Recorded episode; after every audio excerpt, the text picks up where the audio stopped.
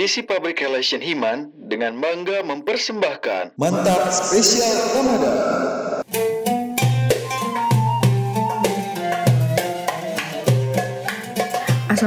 Assalamualaikum warahmatullahi wabarakatuh. Para pendengar, mahasiswa, dan mahasiswi manajemen Unisba Selamat datang pada episode kedua Manajemen Talk and Podcast spesial Ramadan. Pertama-tama, izinkan saya memperkenalkan diri. Perkenalkan, nama saya Kamali Aurananda Mahasiswa semester 4 Manajemen Unisba. Pada hari ini kita akan membahas mengenai buruh dalam pandangan Islam. Jamaah manajemen yang diberkahi Allah Subhanahu wa taala, uh, seperti yang kita ketahui bersama bahwasanya pada tanggal 1 Mei setiap tahunnya di seluruh dunia diperingati sebagai Hari Buruh Internasional. Hari itu didedikasikan bagi kaum buruh yang tak kenal lelah memperjuangkan haknya serta kesejahteraannya agar kualitas hidupnya menjadi lebih baik buruh sudah sejak lama menjadi suatu objek pembahasan penting dalam disiplin ilmu ekonomi, khususnya bagi para penganut aliran kapitalisme, sosialisme, maupun Islam.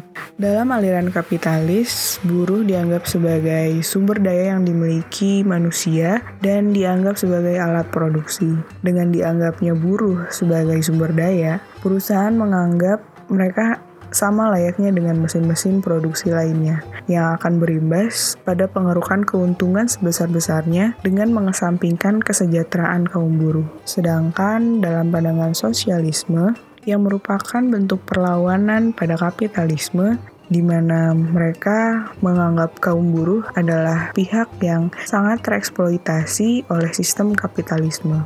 Untuk itu, perlu dihilangkannya kepemilikan individu atas alat-alat produksi dan meminta peran pemerintah sebagai pelaksana perekonomian.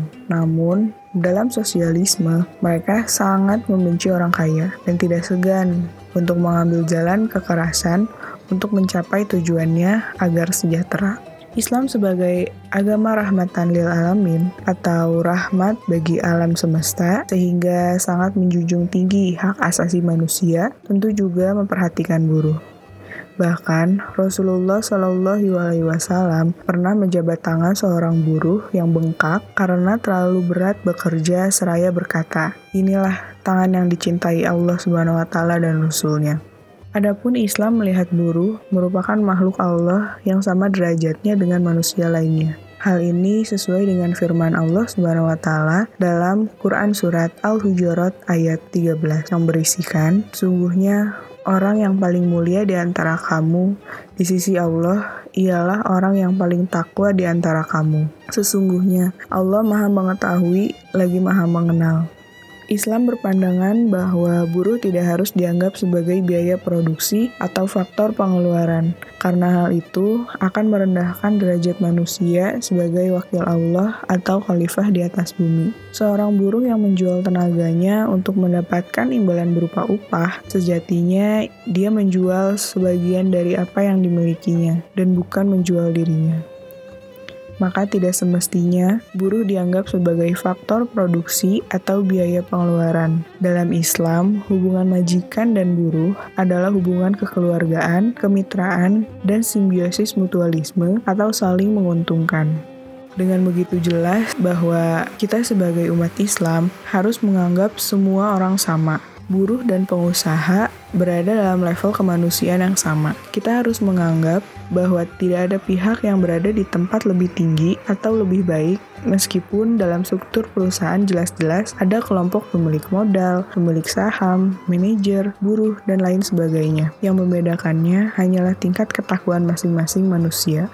Udah jelas kan forum yang budiman? Yang pasti harapan besar dari kita semua, semoga tidak akan terjadi lagi ketidakadilan yang menimpa kaum buruh dan semoga di masa depan kondisi kehidupan serta kualitas hidup mereka dapat menjadi lebih baik lagi. Amin ya Allah ya Rabbal Alamin. Akhir kalam wallahu alam bisawab. Akhir kata, saya Kamalia Orananda mewakili Divisi Public Relation Himan. Mohon undur diri. Mohon maaf bila ada salah kata. Sesungguhnya kesempurnaan hanya milik Allah Subhanahu wa taala. Wassalamualaikum warahmatullahi wabarakatuh.